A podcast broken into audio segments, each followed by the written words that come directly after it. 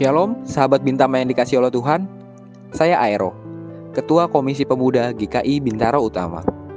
Mau mengajak kita untuk merenungkan firman Tuhan dengan tema Yesus Kristus satu-satunya dasar.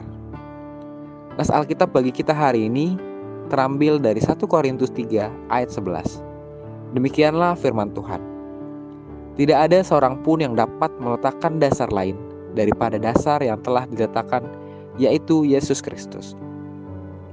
Dari 1 Korintus 3 ayat 10 sampai 23. Renungan hari ini diambil dari wasiat edisi Senin 8 Maret 2021.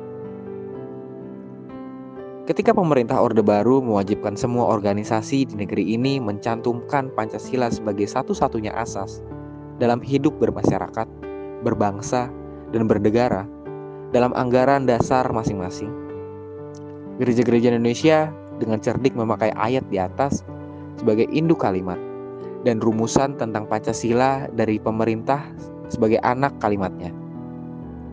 Yang artinya umat Kristen tidak mau menukar Yesus Kristus sebagai satu-satunya dasar gereja dengan yang lain.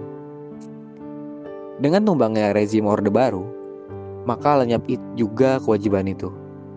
Umat Kristen tidak merasa alergis dengan Pancasila sedikit pun malah ingin mempertahankannya sekuat tenaga sebagai dasar negara kita.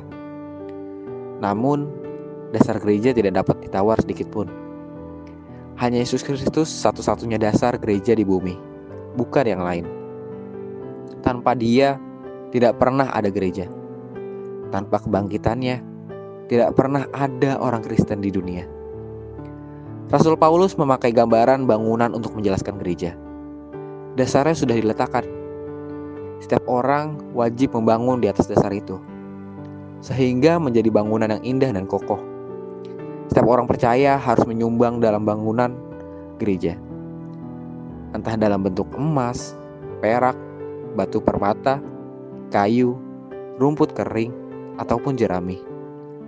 Setiap orang dapat memberi sesuai dengan talenta dan karunia-Nya masing-masing. Semua yang kita lakukan ialah demi kemuliaan namanya dan penyebaran kasihnya. Kiranya Tuhan memberkati puasa dan karya yang kita lakukan hari ini. Amin.